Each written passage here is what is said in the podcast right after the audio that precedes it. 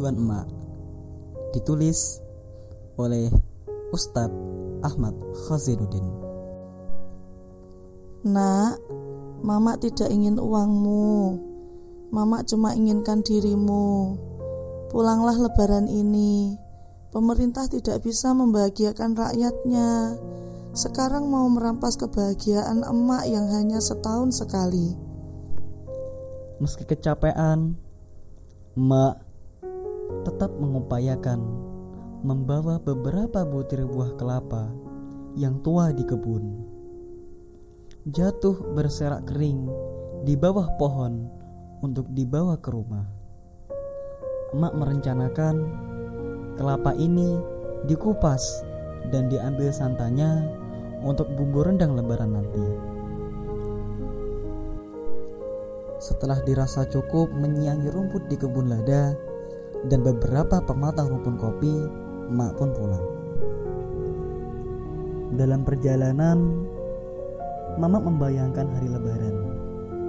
Seluruh anaknya berkumpul dan kebiasaan anak-anak selalu menanyakan masakan rendang bikinan Mama. Sesampainya di rumah, Emak membersihkan diri mengambil air wudhu dan sholat sunnah ringan.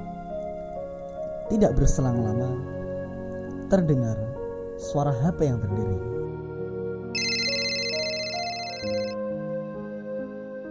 Diraihnya HP tersebut dan terlihat di layar HP, Ananda tercinta memanggil. Assalamualaikum Sapa emak membuka HP sambil merebahkan tubuhnya di salah satu dipan di ruang keluarga. Sambil sesekali merapihkan mukena yang belum ditanggalkan. Waalaikumsalam warahmatullahi wabarakatuh. Apa kabar, Mak? Bakhtiar rindu sekali sama Mak. Sejak pagi tadi ingin telepon, lah baru sekarang bisa. Alhamdulillah anakku, Mama baik Bagaimana kabar cucu-cucu Mama? Sehat semua kah? Ya mak, Alhamdulillah Gofar, Redia, Ihsan, dan Aisyah sehat semua Mereka kangen neneknya Farida bagaimana? Sehat? Kapan rencana hari kelahiran? Sehat mak, Alhamdulillah Kata dokter, sekitar tiga bulan ke depan Ini kandungan sudah usia yang ke-6 bulan Sebagaimana diketahui, Farida istri Bakhtiar sedang mengandung anak yang kelima. Bakhtiar tinggal di kota, sementara Mama tetap tinggal di kampung. Bakhtiar sudah lama tidak pulang.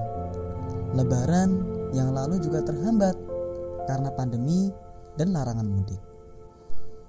Kapan pulang? Mak sudah keuangan. Sejenak Bakhtiar terdiam. Ada rasa khawatir untuk menyampaikan uzur tidak bisa pulang karena Bakhtiar mengetahui mamanya sangat rindu padanya.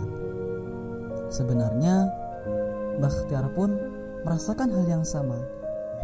Eh, uh, anu mak, Bakhtiar, alhamdulillah ada rezeki insya Allah bisa mengirim uang untuk persiapan lebaran nanti. Setelah ditransfer nanti segera tak kabari. Bukan itu anakku. Emak menanyakan kapan anak mama pulang. Mak tahun ini Bakhtiar mohon maaf. Tidak bisa pulang mudik. Pemerintah mengeluarkan larangan mudik. Nak, Mama tidak ingin uangmu. Mama cuma inginkan dirimu. Pulanglah lebaran ini.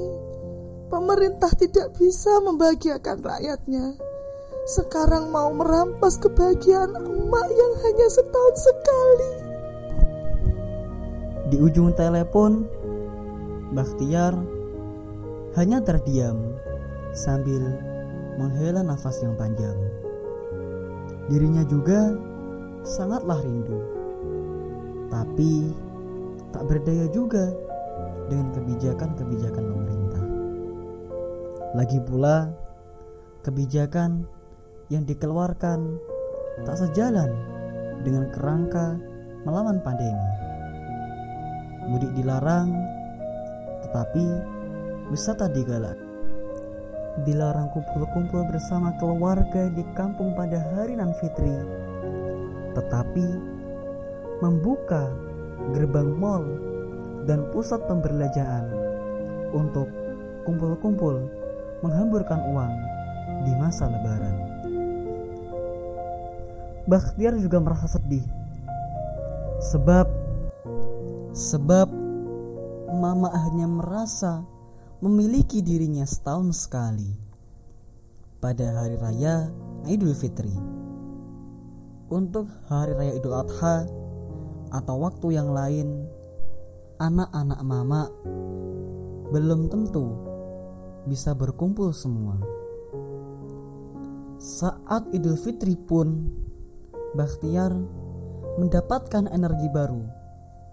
Berkumpul dengan keluarga di kampung, napak tilas masa kecil, juga masa ketika bapaknya masih hidup.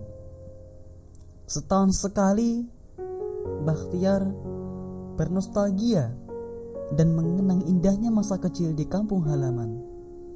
Sambil sebentar melepas kepanatan kota dengan segala hiruk pikuknya.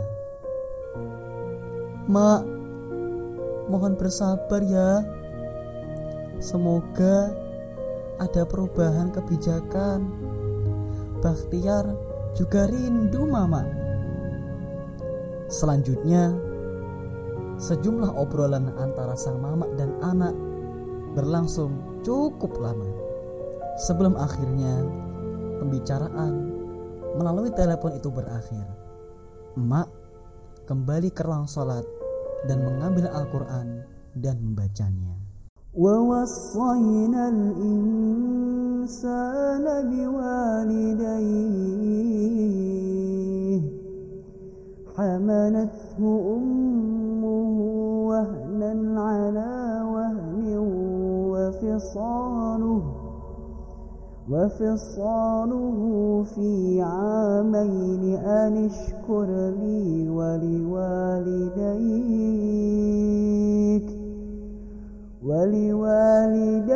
إلي المصير.